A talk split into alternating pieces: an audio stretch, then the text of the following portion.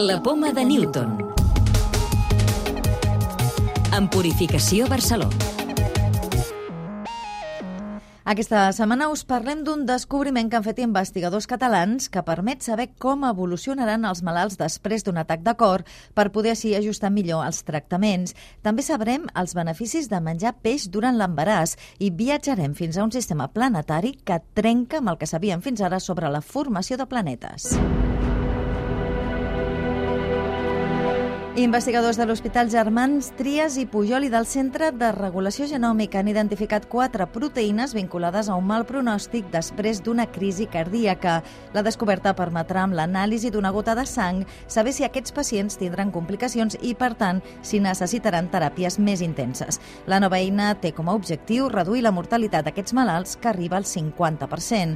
Antoni Vallès Genís és el responsable de la investigació. Hem analitzat 2.600 proteïnes a cada cadascun dels malalts. I d'aquestes 2.600 hem pogut veure que n'hi ha quatre que ens permeten separar molt bé aquells malalts que tindran un bon pronòstic i que aniran bé respecte a aquells que no. Fins ara no sabíem quins malalts anirien millor o pitjor, de manera que anàvem a cegues i a tots intentàvem fer coses sense saber ben bé el que havíem de fer.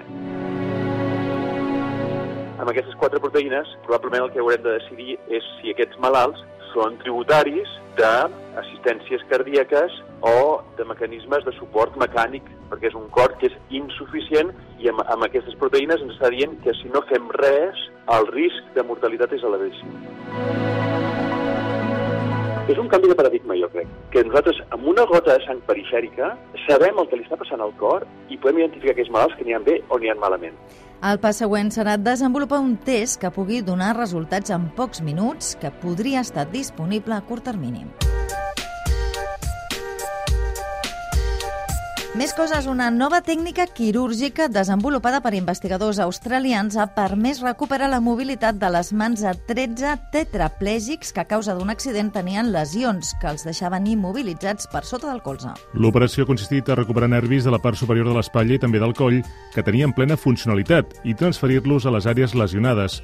Els resultats són molt bons, com ha reconegut Frederic Dax, responsable de traumatologia de l'Institut Goodman. Com a avantatge és que aquesta cirurgia nerviosa no necessita immobilització. El resultat, si funciona la transferència nerviosa, l'objectiu és molt més ambiciós i a més és molt més natural. I l'aspecte de la mà és una mà que s'assembla més a una mà normal. Menjar peix durant el primer trimestre d'embaràs es vincula a una millor atenció quan els infants tenen 8 anys i, per tant, amb més capacitat de memòria i aprenentatge. És el que demostra un treball de l'Institut de Salut Global de Barcelona impulsat per la Caixa que per primera vegada ha estudiat la ingesta de peix en dos moments diferents de la gestació, el primer i el tercer trimestre. N'explica el resultat Jordi Julvez, investigador principal de la recerca. La ingesta de peix durant l'embaràs, peix blau petit, peix blau gran, peix blanc, té un benefici a llarg termini a millorar l'atenció del nen. Però la ingesta de marisc i la ingesta de tonyina enllaunada no tenen aquests beneficis.